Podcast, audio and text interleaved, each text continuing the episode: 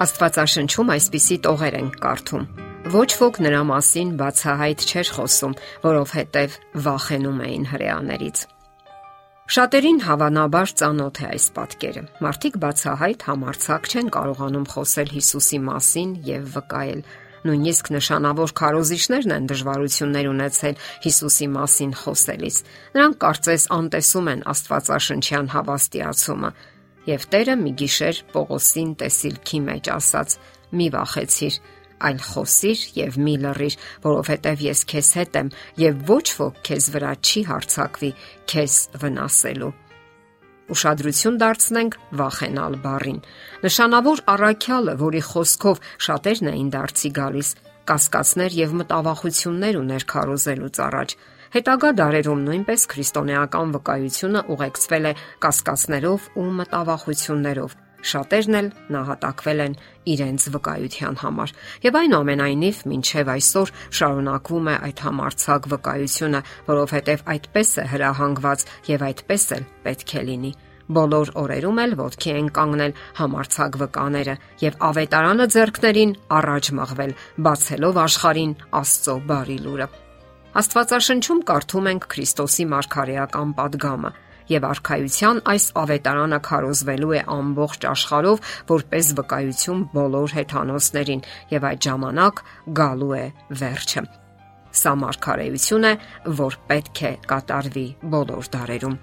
Հիսուսը ոչ միայն parզաբանում է, այլև վստահաբար հավաստիացնում է, որ բարի լուրը պետք է քարոզվի ոչ միայն աշխարի վերջը, եւ որ դա է Աստծո կամքը, որովհետեւ բոլորը պետք է իմանան փրկության լուրը եւ ոչ ոք չպետք է կարողանա դատաստանի ժամանակ արթարանալ ու ասել, որ ես չեմ լսել այդ մասին։ Եվ աշխարհի սկզբից մինչև այսօր քարոզվում է լուրը, որpիսի անհավատները լսեն ու դարձի գան։ Շատերը կընդունեն փրկության լուրը, սակայն շատերն էլ չեն ընդունի, իսկ բոլոր դեպքերում նրանք լսելու են լուրը։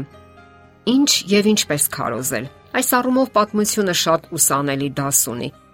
Երբ նշանավոր ճանապարհորդ Մարկո Պոլոն այցելեց Մոնղոլ տիրակալ Կուբլայ խանին, արևմտյան աշխարհ բերեց նրա համար խնդրանքը մոնղոլների մոտ ուղարկել 100 քրիստոնեական ուսուցիչ իմաստնացած 7 արվեստի մեջ, որոնք կարողանան ապացուցել, որ Քրիստոսի ճանապարհը լավագույնն է։ Դա ճակատագրական պահ էր։ Կշերքի վրա էր դրված մեծ ժողովրդի ճակատագիրը եւ երջանիկ հնարավորություն քրիստոնեության մուտքի համար։ Իսկ ինչ տեղի ունեցավ։ Երկու տարի հետո 100 ուսուցչի փոխարեն ուղարկվեց ընդամենը երկուսը։ Նրանք մոնղոլներին պատմեցին քաղաքականության եւ եկեղեցական կառուցվածքի մասին եւ ոչ մի խոսք Քրիստոսի ուղու եւ քրիստոնեական մաքուր ուսմունքի մասին։ Արդյունքում ողջ ասիական աշխարհը չլսեց Քրիստոսի լուրը։ Դրա փոխարեն նրան առաջարկվեց այսպես կոչված քրիստոնեական մշակույթ, որը ցույց չի տալիս փրկության ուղին։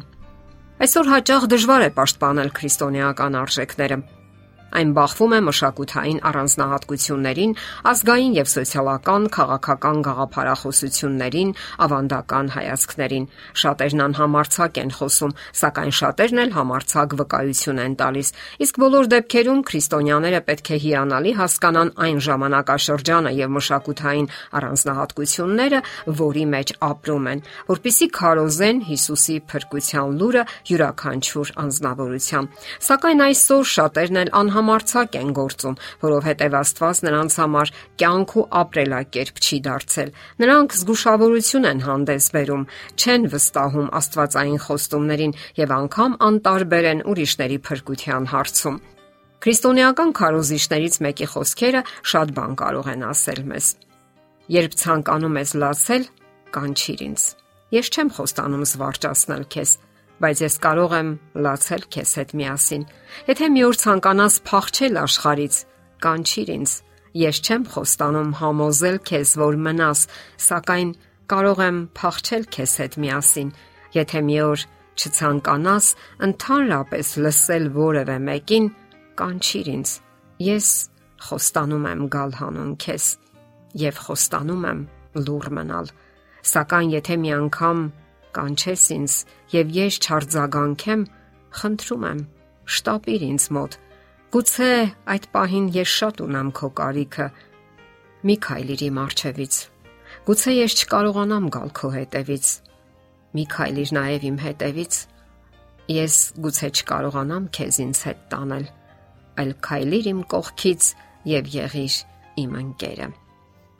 Աստված խոստանում է լինել մեր ընկերը, եթե մենք ցանկանում ենք նրա ընկերակցությունը, նաև փափագում ենք եւ նախքան ավետարանչական լուրով եւ վկայությամբ աշխարհ մտնելը, պետք է իմանանք, որ նա հոգում է մեր մասին յուրաքանչյուր ակնթարթ։ Ոչինչ պատահական չէ այս կյանքում եւ ամեն ինչ նպաստում է դեպի բարուն եթե Աստծո հետ ենք։ Աստված մեր ամրոցն է եւ ամեն վատ բան բարության կարող է վերածել մեզ համար։ Նա ինչև վերջ կառաջնորդի մեզ, եթե ամուր բռնենք նրա ձեռքը եւ տեսնենք նրա գործերը մեր ամբողջ կյանքի ընթացքում։ Անկասկած է, որ նա ունի առանձնահատուկ ծրագիր մեր ողջ կյանքի համար, եւ այդ իմաստուն ծրագիրը մեր կյանքի վերաբերյալ հասունություն, հավատք, իմաստություն, զորություն, սրբություն եւ հնազանդություն կապարքեվի մեզ քարոզելու, վկայելու իր մեղքերի մեջ մահացող աշխարհին։ Մեզ համար վկայության առաջնորդող խոսքեր կարող է լինել Աստվածաշնչյան հետևյալ հորդորը. Միայն ինքներդ ձեր շահը մի փնտրեք, այլ ամեն մեկը իր ընկերոջինն էլ։ Մտածել նաև մեր մերձավորների փրկության մասին, ապրել հանուն Քրիստոսի, հանուն ուրիշների բարօրության, այսինքն այն, ինչ արեց Հիսուսը իր ողջ կյանքի ընթացքում։ Վկայեք համարցակ, վկայեք Աստծո ճշմարտությունները եւ դուք կլինեք Աստծո համարցակ բամբերները, որ գործում են ոչ միայն իրենց շահի համար։ Համալրեք Աստծո բանակը։ Զինվորագրվեք Աստծո բանակին եւ օգնեք որ աշխարհն ավելի լավը դառնա։ Եթերում է ղողանջ հավերժության հաղորդաշարը։ Հարցերի եւ առաջարկությունների համար զանգահարել 033 87 87 87 հեռախոսահամարով։